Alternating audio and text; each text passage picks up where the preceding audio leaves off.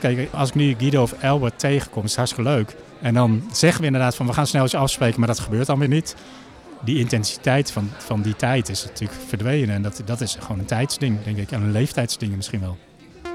Jiang Tung is de derde fantast. Hij staat naast Albert van Strien en Guido van Gennep.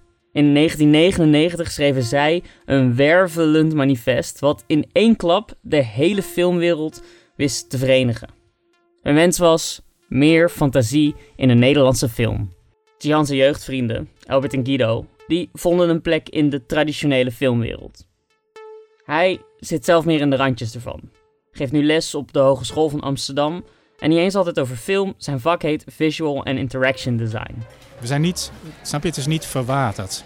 We hebben toen inderdaad, volgens mij zelfs twee symposia gehouden. En ik weet nog dat we toen bewust hebben besloten, we gaan niet dit blijven doen als een soort jammerende, klagende mensen die maar een beetje aandacht willen en, en, en de hele tijd bezig. We hebben ons punt gezet. Nou, jij haalt het nu weer boven water. Weet je, ergens is, hebben wij een uh, dingetje in die story achtergelaten. Nu is het uh, misschien aan anderen om letterlijk wat jij zegt, om dat op te pakken. Weet je, ga er iets mee doen als je iets wil doen.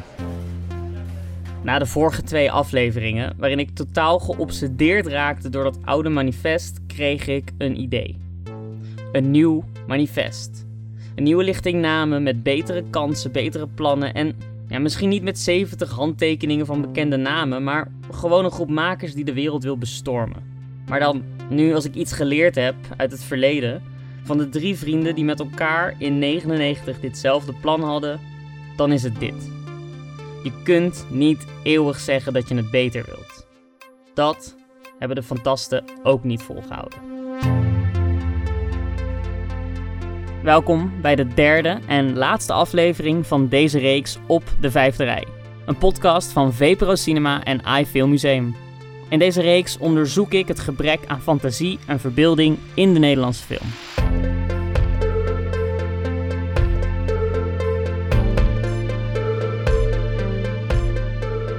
Deze hele podcast, deze hele serie, die begon met iemand die mij gewoon vroeg: Heb je wel eens gehoord van het Fantastenmanifest? Van het manifest voor de verbeelding? En ik zei nee, want ik had er niet van gehoord. Maar ik ga precies die vraag weer stellen vandaag aan een groepje mensen.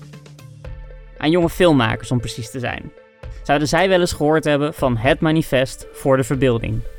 Nee. Nee. Nee. Nee. Nee. Nee. Nee. Geen idee. Nee. Ik ben echt 56 keer nee. Ehm, Oké, dan, dan is dit moment dat ik misschien ga uitleggen wat dat is.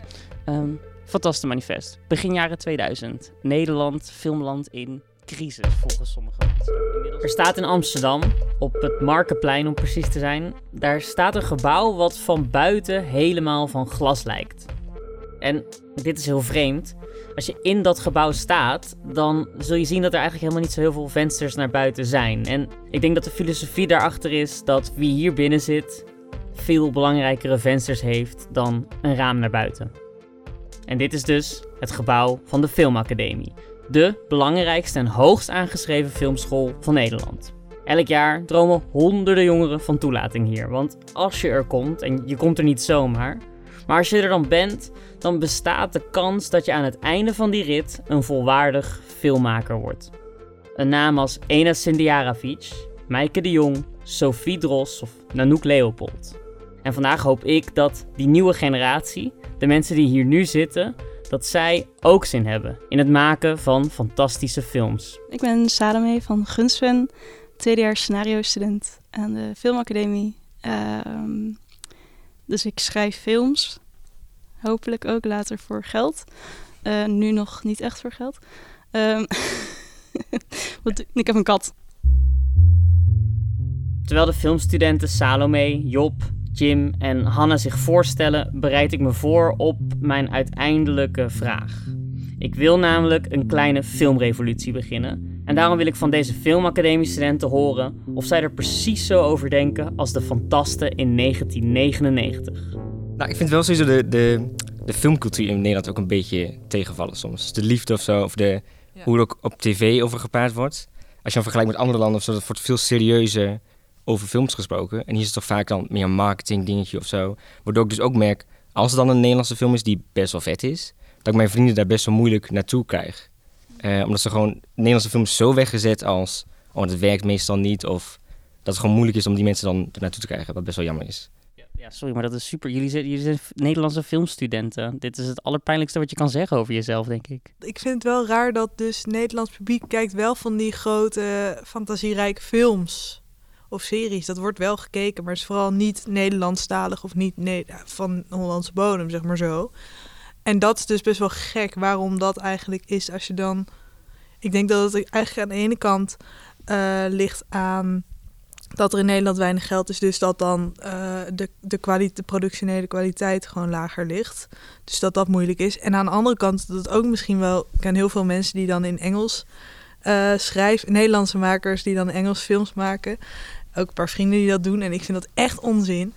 Uh, want nou ja, ja, ik weet niet. Ik heb het zelf niet. Ja, ik vind het gewoon heel stom. Omdat ik denk, ja, dat klinkt het natuurlijk vet. Omdat het Engels is of zo. En dan zijn we gewend dat dan hebben we een soort afstand. Weet je wel, zo. En, dan, en dat zien we niet elke dag. Dus dan is het sowieso gelikter. Maar ja, ik bedoel, heb de bal om het in het Nederlands. Weet je, dan moet je echt harder werken. Omdat iedereen het gewoon door en door kent.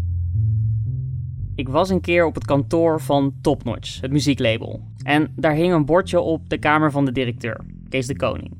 En op het bord stond: de jeugd heeft altijd gelijk. Ik denk nog heel vaak aan het bordje. Ik denk dat het klopt. Ik denk dat je met de bravoure van jong zijn, met de moed die daarbij hoort, daarmee kun je alles bereiken. Daarom was het manifest voor de verbeelding destijds in 1999 echt een goed idee. En hebben de studenten nu ook weer niet echt ongelijk als ze zeggen dat het hier allemaal best wel tegenvalt. Ik ben echt volstrekt niet jaloers op de jongeren die nu op de filmacademie zitten. Niet alleen omdat ik zelf zo slecht was op school, maar vooral omdat de onvrede die ze hebben eigenlijk al in 1999 werd gevoeld en nog steeds niet opgelost is. En nu ik zelfs heb besloten dat een nieuw manifest geen zin gaat hebben, weet ik niet wat ze zouden moeten doen. Deze nieuwe revolutie moet anders zijn. Hij moet, denk ik, gewoon beginnen met een goed plan. Een film die een hele generatie makers het bewijs kan geven dat het dus wel kan. En ik wil dat in deze aflevering voor elkaar krijgen. Maar ja, hoe eigenlijk? Ik besluit om iemand te bellen die ik altijd wel in nood kan bellen. En dat is filmprogrammeur Ronald Simons bij AI. Hij is, je hoorde hem ook al in de kerstspecial over Die Hard, een soort peetvader van mij geworden bij AI. En kan me hem altijd aankloppen voor advies, dus ik hoop van hem de juiste tip te krijgen. Goed dat ik je spreek, want ja, ik heb dus wel een vraag. En um, ik, ik zit even vast. Ik denk, misschien kun je me helpen. Dit is waar ik mee zit. Um, ik had eerst de theorie van, oké, dat fantastische manifest, dat moet ik nieuw leven inblazen. Maar nieuw manifest zou denk ik onzin zijn, want dat is al gedaan.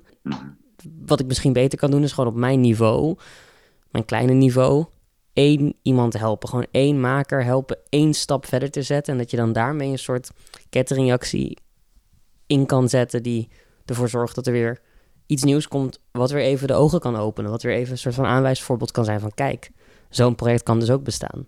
Goed idee. Het enige probleem is dus, um, ik moet, ja, ik ben nog een soort van op zoek naar, ja, wie kan ik dan, wie ga ik me aanbieden? Wie kan ik helpen? Het moet iemand zijn die nog wel iets aan heeft, namelijk. Ik denk dat er uh, heel veel mensen zijn in Nederland, heel veel filmmakers, die op heel veel verschillende manieren uh, allemaal een setje kunnen gebruiken ik denk als je zoekt naar iemand die uh, gelooft in, uh, in fantastische cinema, uh, daar al in werkt, maar daarin altijd nog kan groeien, dan, dan heb ik al iemand voor je. Ja? Ja, ik denk meteen aan, um, zij zat in Badlands, het programma van, van Ari, waar nieuw Nederlands talent centraal staat. En dit is echt een girl die, die leeft voor fantastische films, voor genre cinema. Ze heeft er al mee gewerkt. Ze heet Bodil Mattheusen. En uh, Bodil, die, uh, bedoel, haar, uh, alles voor haar is begonnen met de serie Buffy the Vampire Slayer.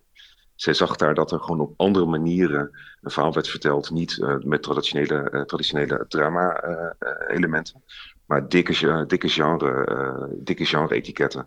Waarin alles kan. En ze, was, ze vertelde daarover in, in Badlands. Zij was gewoon, dat heeft haar gewoon op het pad van filmmaken. Dus zij is een scenariste. En ze heeft inmiddels al voor Videoland Academy heeft ze een, wat je noemt, een grounded uh, sci-fi uh, film gemaakt, Verdwenen Dagen, met Georgina Verbaan. En ze heeft Por Foto, dat was haar afstudeerfilm, oh, een misdaaddrama, gesitueerd in Rotterdam. Met drie boys die, die een overval plegen en dat helemaal, helemaal sideways gaat. Bodil is echt de persoon die je zoekt.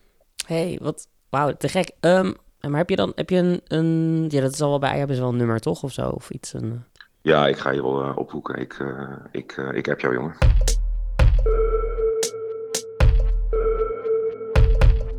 Die avond nog spreek ik Bodil Matthäussen in Hotel V in Amsterdam. Een plek waar ze, ja, mag ik ook een keer gezegd hebben, echt de lekkerste boterkoek bij je koffie serveren. Maar terug over Bodil. Bodil is een scenarist die in 2019 afstudeerde met Por Foto. Een film die dat jaar echt, zeker voor een studentenfilm, ontzettend opviel en in de prijzen was. Go, go, go, go, go, go, go! Go, go, go, go, go, go, go!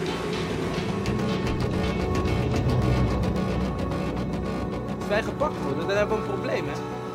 Tot mijn tijd. Hou je rustig, hè? Je hebt toch gezegd dat we niet samen moeten zijn? Wat de fuck is er gebeurd, boys? En momenteel is het zo dat Bodil wordt platgebeld voor allerlei scripts en scenario's. Zo was ze al losjes betrokken bij de eerste Nederlandse Netflix-serie Ares. En kun je dus nu wel zeggen dat zij hoort bij de eerste generatie makers voor wie de kansen van streaming echt wagenwijd open liggen. Als iemand het scenario voor een alles veranderende Nederlandse fantastische film of serie zou kunnen schrijven, dan, ja, dan zet ik mijn geld in op Bodil. En dat alles is alleen maar gesterkt door die eerste ontmoeting, wat eigenlijk alleen een oriënterend gesprek moest zijn. Gewoon even kennis maken. Maar Bodil heeft al zo snel een missie voor me dat ik maar meteen mijn microfoon erbij pak. Ik ben echt heel erg op zoek naar vrouwen die horrorfilms willen regisseren.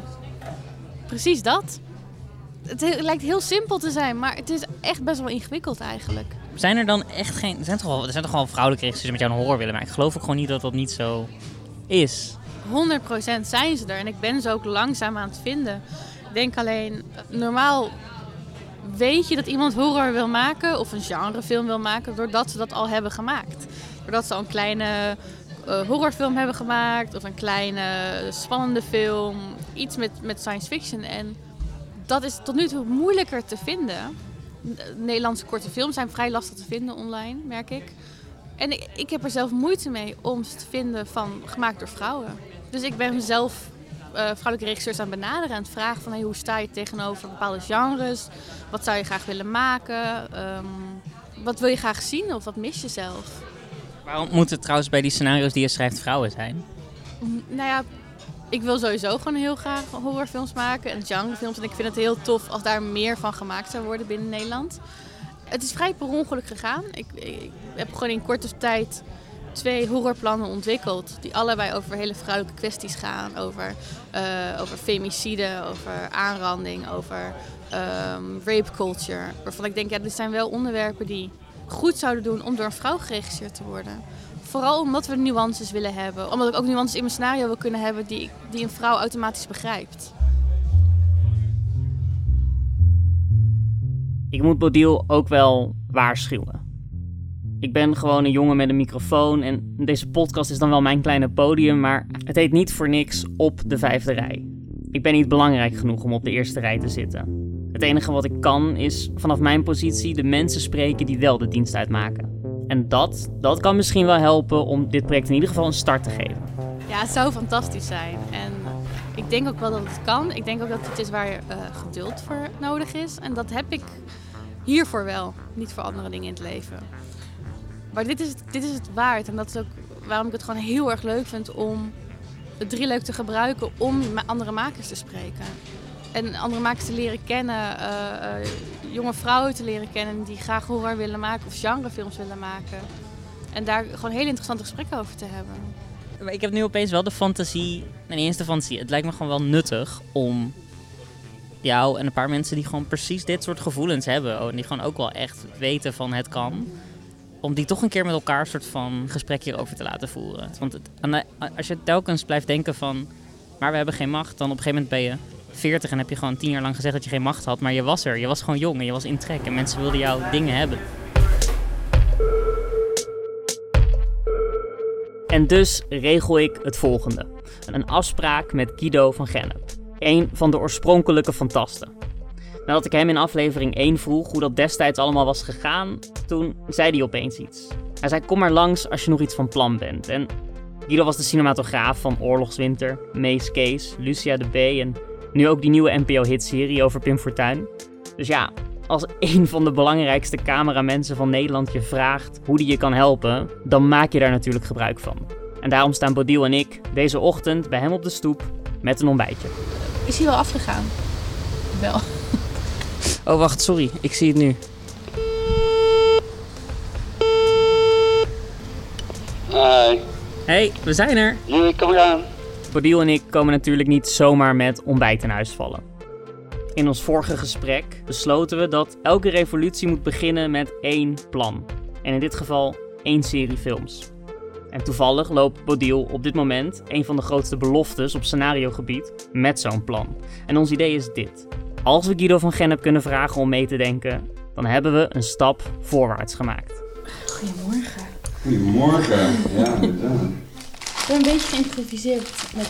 We hebben Er was geen kaascroissantje. Je hebt een kaasbroodje en een croissantje. Oh, en in ja, je hoofd moet je het een beetje aan elkaar. Gezellig. Ik ga wel meteen een hapje nemen.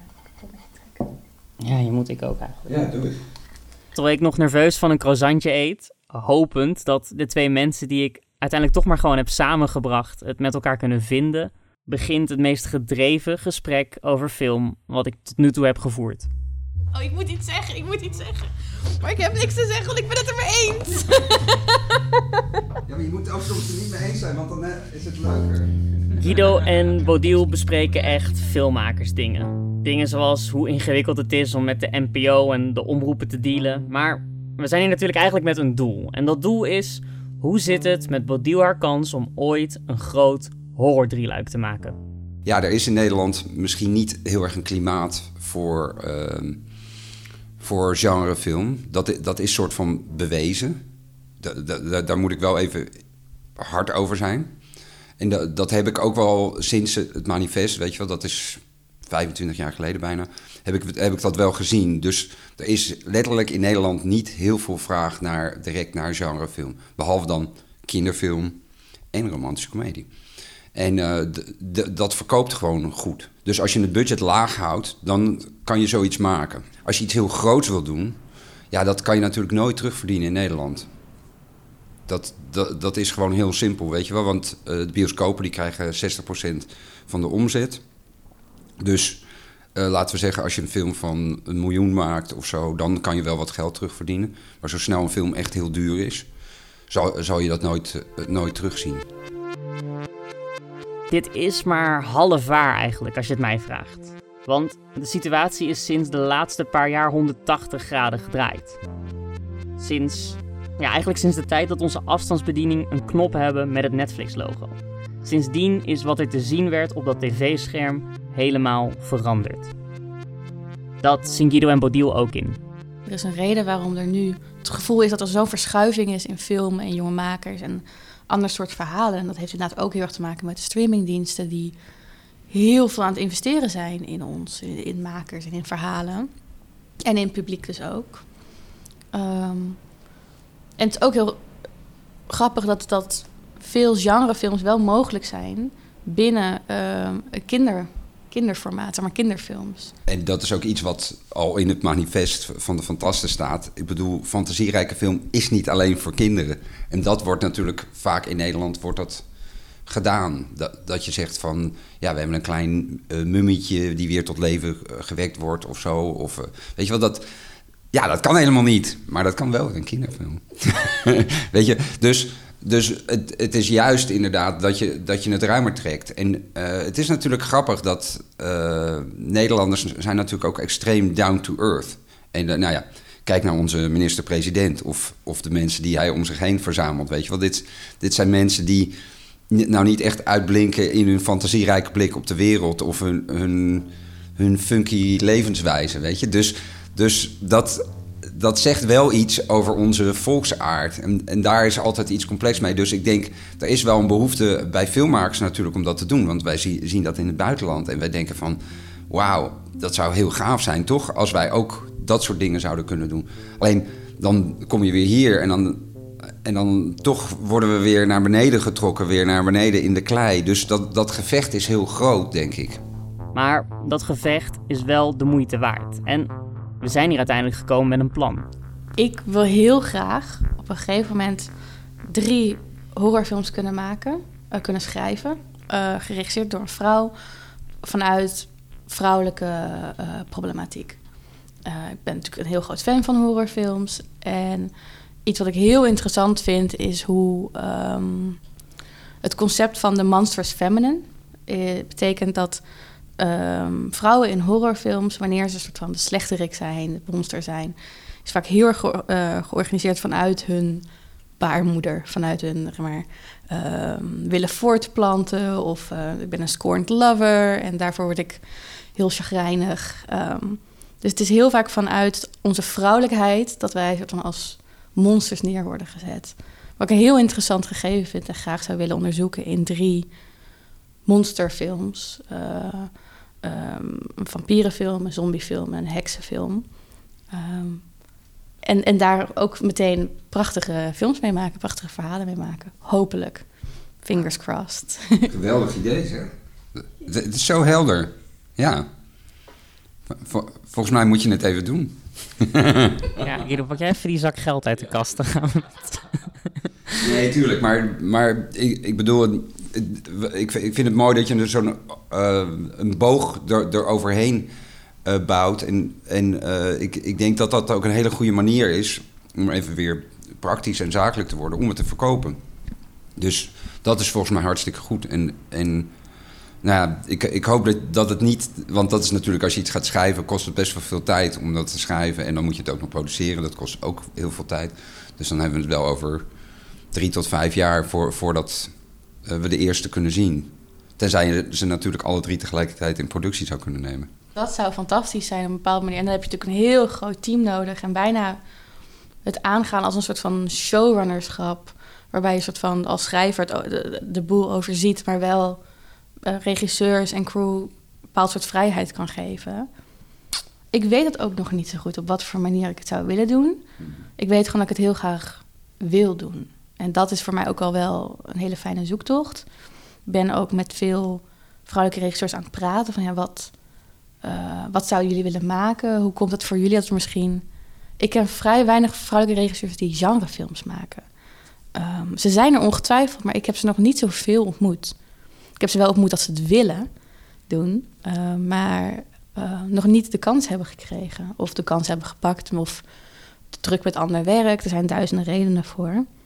Wie zijn die regisseurs, die vrouwen? Heb, je er, heb jij er eentje in gedachten misschien al meteen? Niet meteen, maar ik, ik zit wel gelijk te denken aan, inderdaad, aan meerdere regisseurs die, die ik ken. Die, maar de, het grappige is, of misschien niet, uh, dat veel uh, uh, vrouwelijke regisseurs ook veel bezig zijn met arthouse. En dus ik zou me ook kunnen voorstellen als er, zoals als je denkt aan Raw of aan Titaan, een arthouse crossover ding daarin hebt, dat dat heel goed zou kunnen werken. En wie moeten we dan bellen? Wauw, dat is een goede vraag. Uh, nou, ik, ik, moest bijvoorbeeld gelijk denken aan Simone van Dusseldorp. Omdat zij een hele, hele stevige aanpak ook altijd heeft stilistisch. En uh, ik, ik, denk dat zij iemand zou kunnen zijn die, die daar goed mee zou kunnen met, met uh, dat soort ideeën. Ondertekenaar van het manifest, trouwens. Klopt, inderdaad. Ja, daar had ik niet aan gedacht. Ja, zeker. Mij ken je de lijst uit je hoofd, of niet? Inmiddels wel. Dit is echt weird. Simone, kom achter je aan. Ja. ja. Heb, jij, heb jij nog contact met haar? Zeker, ja, absoluut. En, uh, maar, ik, maar ik denk dat er veel meer uh, makers zijn die ook de afgelopen uh, paar jaar van scholen af zijn gekomen. En ook dachten van, wauw, dit is eigenlijk een, een hele goede manier om mijn verhaal te vertellen. Dat is dus wel heel tof, want ik merk dat het zoveel met mensen losmaakt op het moment dat we het hebben over wat is er allemaal mogelijk, wat zouden we allemaal willen kunnen doen. En ik gun het mensen zo om daar meer mee te kunnen doen ook eigenlijk. Na twee afleveringen lang toch ook vooral de pijnpunten van ons filmlichaam te hebben ontleed, ben ik opgelucht. Er is veel te winnen. Dat concludeer ik ook aan tafel met Bodil en Kido. Want ondanks dat zij uit twee verschillende generaties komen, zien ze ook dat de tijd rijp is voor een nieuw filmlandschap. Nu werkt het niet zo dat we meteen hierna natuurlijk Simone van Dusseldorp konden bellen en bam, een heel filmscript hebben geschreven. Die dingen kosten tijd. Film maken lijkt eigenlijk heel veel meer op tuinieren dan op oogsten. En ik heb wel 100% het gevoel dat deze ontmoeting heel vruchtbaar was. Nog vol met de energie van die ontmoeting maak ik me klaar voor mijn volgende afspraak. En terwijl ik onderweg ben naar die afspraak, denk ik aan iets wat Jihan, een van de oorspronkelijke fantasten, me nog wilde meegeven. Ik, misschien ben ik cynisch, zou ik zeggen, maar, maar hoe ik denk dat wat er gaat gebeuren, stel dat in Nederland een film gemaakt wordt zoals Holy Motors van Leo Carax, zal je zien, en dat is een succes. En het filmfonds denkt, wij moeten als Nederland meer van dat soort films gaan maken zal je zien dat er randvoorwaarden komen waardoor we meer films krijgen die precies zo zijn als Holy Motors of moeten voldoen aan zoals Holy Motors is. Met andere woorden, word je weer beperkt in de mogelijkheden. Misschien, oké, dan een andere oplossing. We doen een soort heel groot uh, parcours voor filmmakers. En wie gewoon het snelste bij die finishlijn is, die mag ze film maken. Want er is, er is eigenlijk anders geen... Zodra de regels komen op wat voor film en hoe die film klinkt en hoe die film gaat ruiken... als je dat gaat vaststellen, dan vallen er gewoon automatisch al dingen buiten. Ja, dat zou interessant zijn. Of dat je parallele trajecten hebt. Je hebt inderdaad het, eh, de eerste, de beste traject. En je hebt... Uh, Armpje drukken. Ja, of dat, zoiets. Maar ook uh, het script wat me het meest onmogelijk lijkt om te maken. Eentje erbij, bijvoorbeeld. Dus dat zou een goede vereiste zijn, maar dan ook verder geen enkele vereiste.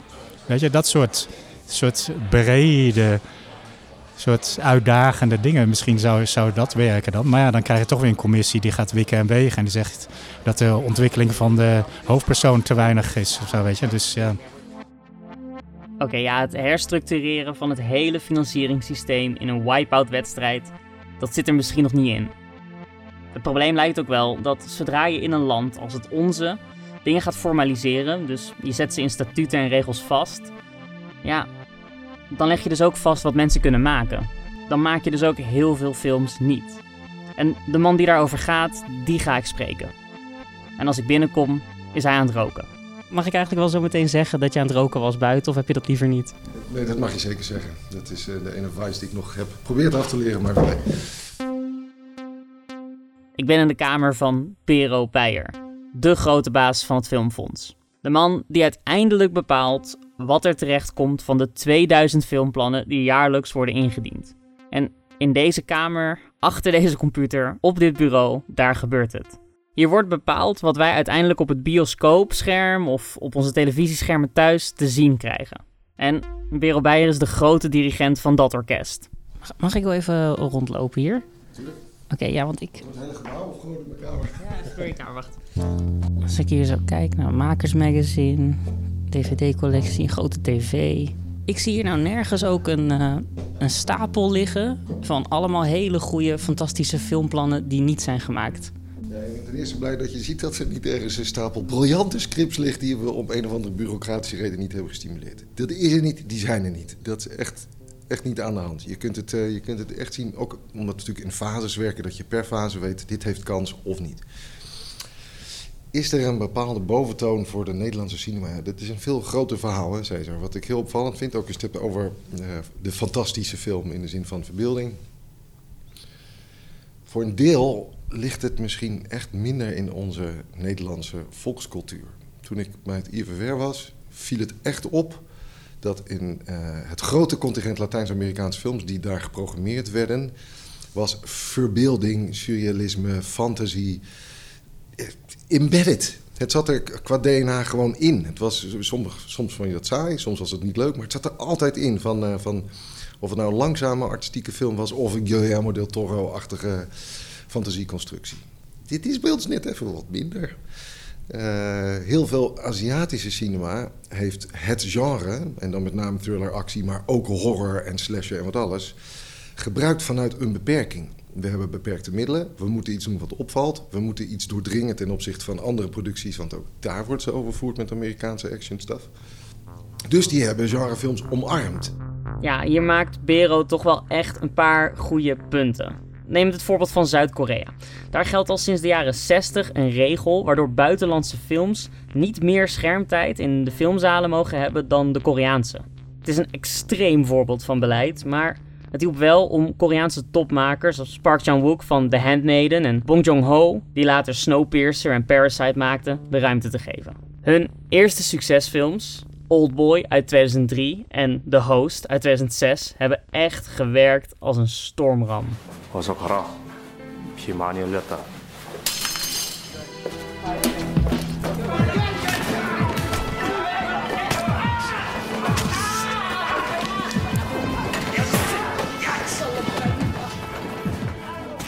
Hoe zou het nou toch komen dat we zoiets in Nederland niet doen? Wat wij gedaan hebben, nou ja, het is een hele brede analyse hoor, maar toch, eh, we zijn toch iets meer kooplui, handelslui en eh, heel erg strak protestants voor het grootste gedeelte. Dat betekent effectief, zuinig en waar kan je geld mee verdienen. En dat bleek in veel gevallen dan maar de romantische komedie te zijn, want de formule liet zich redelijk makkelijk uitbuiten, herhalen en er werd geld mee verdiend. Waar kwamen daar per se goede films uit? Daar kan je een dik vraagteken achter zetten. Is het een genre? Het is ook een genre. Is het verder gebracht als genre door onze aanpak? Ik denk het niet. Dus die omslag van zuinige ondernemerschap. Waar kunnen we winst uithalen? Naar hoe kunnen we nou iets uitzonderlijks doen? Die moeten we misschien nog maken. Die zijn er wel, die makers. Die zijn ook die producenten, die zijn ook die schrijvers. Uh, en ik hoop dat ze zich naar het fonds vinden, zodat we die met name kunnen steunen om te zeggen, ja, maar ga dan daar verder. En dan zou je zien, als je dat dan oppakt, dan valt het internationaal ineens wel op. Dan heb je wel wat bijzonders. Van tevoren had ik natuurlijk al wel een beetje kunnen bedenken dat dit Bero's grote punt zou zijn. De plannen komen niet. En inderdaad, ik weet ook wel dat ze hier geen la hebben vol met hele goede filmplannen die maar niet gemaakt worden. Maar de manier waarop het fonds met plannen omgaat, daar kun je best veel over twisten. Die methodes zijn namelijk heel erg ingericht op alles uitdenken voordat je gaat filmen. En dat is ook precies wat Bero graag wil. Een van de punten waar we heel erg op hebben gehamerd is: ga nou niet te snel draaien voordat je echt wat goeds hebt uitgewerkt. Dat heet dan productiedwang. Er valt zoveel meer te halen uit je plan. Er valt zoveel meer uit je script te verhalen. Er valt zoveel meer te halen door te testen met je acteurs, door te werken met je camera, door na te denken over je geluidsbeeld. Ook na te denken over hoe je dat vervolgens positioneert en uh, in de markt zet, zeg maar. Daar is heel veel tijd voor nodig, denkkracht voor nodig. Dus we hebben juist geprobeerd om dat ontwikkelproces, uh, om daar zoveel mogelijk geld en dus tijd voor beschikbaar te maken. Er komen maar heel weinig producties bij ons binnen die zeggen, nou we hebben hier een plan en dat is rijp om te gaan draaien. In de meeste gevallen komt er een plan binnen voor een scenario aanvraag. Dan zeggen we, nou leuk om daar een scenario van te maken. Ga je gang, werk dat scenario uit. Vervolgens zeggen we, nou, nu kan je nog een stap verder gaan. Ga nu eens met je acteur samenwerken, met je, met je cameraman, met je production designer... of ga internationaal shoppen om te kijken hoe dat nog een kwaliteitsslag kan maken. Dus het creëren van uh, tijd, van rust om betere plannen uit te kunnen werken... Nou, daar hebben we als fonds wel degelijk een rol in te spelen. Dus neem de tijd om je plan ook uit te werken. Dat heeft niks met bureaucratie te maken, dat heeft met aandacht voor je werk te maken. Is je plan namelijk meteen goed? Nee. En al die plannen die we krijgen waarvan we denken... oh leuk, deze Amerikaanse of Franse film, hartstikke mooi... die hebben ze ook niet in een maandje in elkaar gedraaid. Daar zijn ze jaren mee bezig geweest met briljante koppen... die bij elkaar zijn gekomen, die elkaar de waarheid hebben verteld... die elkaar veer in de kont hebben gestoken... maar nog meer klappen onder oren hebben gegeven. Ja, maar het is nog steeds druk, kan het niet wat beter worden? Een heel gevecht, de pijn van de creatie, zeg maar. Nou, dat proces stimuleren... Uh, dat is een van de hoofdmoten voor het Nederlands Filmfonds. Er is zo'n internetwijsheid. Een citaat waarvan je eigenlijk ook nooit zeker gaat weten of het überhaupt echt is. Maar het is zo'n quote die rondzwerft van Henry Ford. Hij zou ooit hebben gezegd dat als hij het publiek had gevraagd om hun mening, dat dan de mensen allemaal zouden zeggen dat ze een sneller paard wilden, geen auto. Ik denk dat het ook zo werkt met een fonds. Ze kunnen wel meedenken over hoe je een publiek bereikt, maar heeft dat dan wel zin? Het publiek kan toch niet altijd gelijk hebben? Ik vind dat best een leuke quote van uh, Ford. En ik denk dat uh, als je het vertaalt naar de filmtaal. En er komt iemand binnen en we zitten, zijn, zijn gewend om alleen maar paarden en koetsen te beoordelen, bij wijze van spreken. En er komt iemand met een plan voor een auto. Dat iedereen meteen ziet, en ja, maar dit is dus spectaculair nieuw. Dit is dus waarlijk innovatief. Dit laat het begrip innovatief, origineel en vooruitstrevend en ambitieus. Dat is waar die woorden voor bedacht zijn. Die klinken heel saai als beoordelingscriteria in onze algemene reglementen. Maar dat is precies waar het om gaat. Dus misschien is dat wel de oproep. Misschien moeten we het wel op de website zetten. Jongens, kom niet met een uh, koets en paard. Breng ons de nieuwe auto, whatever that may be. Naar aanleiding van dit citaat. Het klinkt onvriendelijk, hè? Dat makers maar gewoon betere plannen moeten maken. Maar ik snap Beros' punt is wel echt enorm. Het fonds mag niet alleen naar makers wijzen. Dat doen ze volgens mij ook niet. Het is ook de Nederlandse handelsmentaliteit die parten speelt. En ja, ook wel makers, die mogen natuurlijk op hun beurt niet alleen naar het fonds wijzen.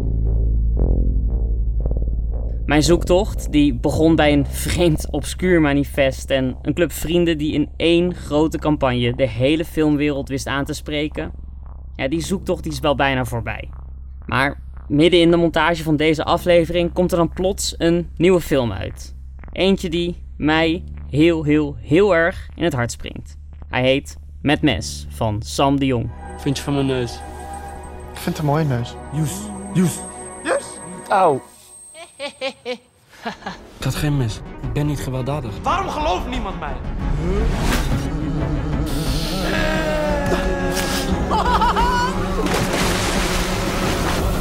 Met mes. Hoe is het geluid eigenlijk? Kan beter.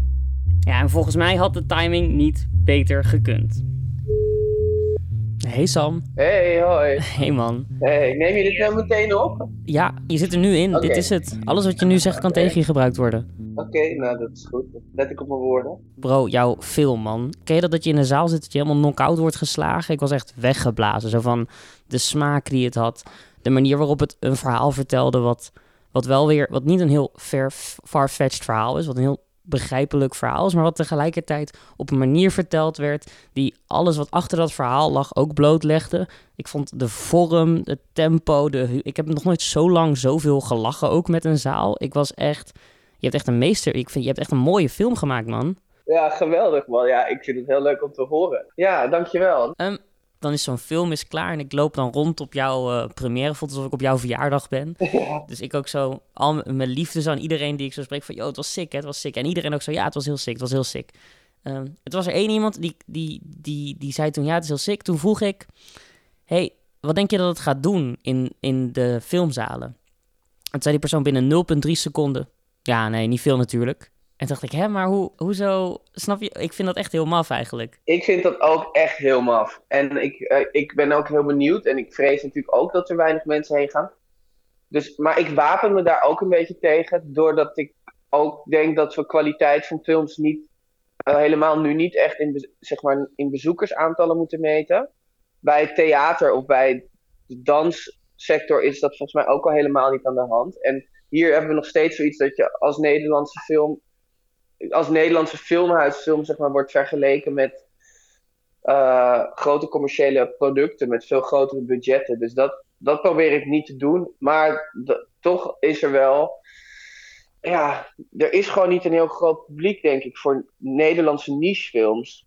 Maar ik vind dit ook niet eens zo'n niche, want het is gewoon een, het is ook een hele toegankelijke film. Dus ja, ik, ik, ik zou dat we daar, ik zou willen dat ik daar een antwoord op had. En dat, we dat, dat ik daar ook rekening mee moet houden. Maar ik geloof dus ook niet dat je dus daardoor maar ander soort artistieke keuzes moet maken. Want je weet toch, je kan toch niet voor dat publiek waarvan je niet eens weet wie het is nou eh, gaan denken. Ja, misschien is het net een week te vroeg om daar nu conclusies over te trekken. Want die ene persoon in die zaal, hopelijk heeft hij ongelijk. Ja, toch? Ben- nou, het, het is nu sowieso heel lastig. Ik bedoel, er gaan echt naar best wel grote, dure films gaan 4000 mensen. Weet je, dat is gewoon echt niet, eh, ja, is gewoon heel weinig. Dus een schop onder het publiek, man. Ik bedoel, het- ze hebben het te lang te makkelijk gehad. Oh, je betaalt voor Cineville en dan kun je zo vaak je wilt naar de film. Dus dan ga je gewoon twee keer. Nee, man, je moet je best doen. Ja, Inmiddels heb ik best wel wat schuldigen gevonden voor het gebrek aan fantastische Nederlandse films. Het fonds legt de bal bij de makers, de makers juist weer bij het fonds en de studenten zelf bij de academie. Maar er is er eentje geweest die telkens buiten schot is gebleven. En dat ben jij, de luisteraar. De bezoeker die al deze films in zijn schoot geworpen krijgt. ook jij en ik bepalen hier de filmcultuur. Ik weet niet of je het altijd door hebt, maar als er dus een nieuwe Nederlandse film in de bios draait en iemand nodigt je uit, dan kun je niet zeggen: Sorry, ik heb met mijn oma afgesproken en ik kan niet. Dan moet je dus zeggen tegen je oma: Sorry oma, er is een nieuwe film uit en ik moet hem gaan zien. En desnoods neem je dan je oma mee. Want als we dit echt willen, hè, dan moeten wij ook, jij en ik, en je hebt het tot het einde van dit drieluik gehaald, dus ik reken erop dat je inmiddels wel een hart hebt voor de Nederlandse film. Dan moeten we samen die films op het schild hijsen. Dan moeten we die films hun volle sterren geven op websites als Letterboxd en IMDb of Rotten Tomatoes. Dan moeten we al onze vrienden telkens weer gewoon opjutten om te gaan. Om de bios in te gaan, het kaartje te kopen, de films te zien. Kijk, de nieuwe Spider-Man film redt zich wel. Maar elke Nederlandse film die ook maar een beetje uniek is, die verdient je onvoorwaardelijke loyaliteit. En niet op een, ja maar dit stukje plot of dit ding van de soundtrack vond ik minder uh, manier. Nou en? De volle 90 minuten van het Nederlands elftal spelen ze toch ook niet op topniveau? En toch juich je ze toe. Zo zou dat moeten werken met loyaliteit. Zo draag je je steentje bij, want zoals het Fantaste Manifest in 1999 al verwoordde, het realisme is droog gekookt. De fantasie heeft te lang op een laag pitje gestaan. Het heilige vuur moet weer branden. En dat doen we door massaal met mes te gaan kijken. Het is serieus een unieke film. Maar je doet het ook door whatever Bodil Matthäus in de toekomst gaat maken te supporten. De unieke films die Ronald Simons in iProgrammeer te gaan zien. En de films die eraan zitten te komen bij alle streamingdiensten die nu makers een kans geven om fantastische films te maken. Kunt ook deze podcast delen met mensen die bij dat complot willen horen. Want we hoeven namelijk helemaal niet op zoek naar de fantasten als we allemaal fantast worden. Als iedereen inziet dat we met een beetje fantasie de Nederlandse film naar de top kunnen brengen.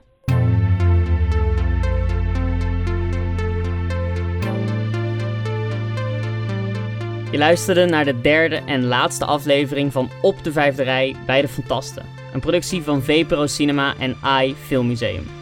Deze podcast wordt gemaakt door mij, Cesar Majorana, samen met einddirecteur Jelle Schot, redacteur Anna Meijer en editor Friedjof Kalf. We maken deze podcast ook met dank aan Lisette Ruitenberg, Mila Slingeman, Ronald Simons, Tibor Dekker en natuurlijk iedereen die ik voor deze en alle vorige afleveringen sprak en interviewde. En nog een extra speciaal bedankje aan Eline Rotmensen, die het hele gesprek tussen mij, Bodil en Guido, uh, terwijl we aan het ontbijt waren, heeft uitgetypt. De soundtrack die je nu op de achtergrond hoort, die komt van Julius Jongsma. En het artwork in de podcast-app is van Aafke Bouwman. Tot de volgende reeks, die al in eind mei gaat komen, want dan ben ik in Cannes. En echt reuze benieuwd welke filmavonturen ik daar ga meemaken. Wil je dat niet missen? Abonneer je dan op dit kanaal daar hoor je ook onze vorige reeks terug. Bedankt voor het luisteren.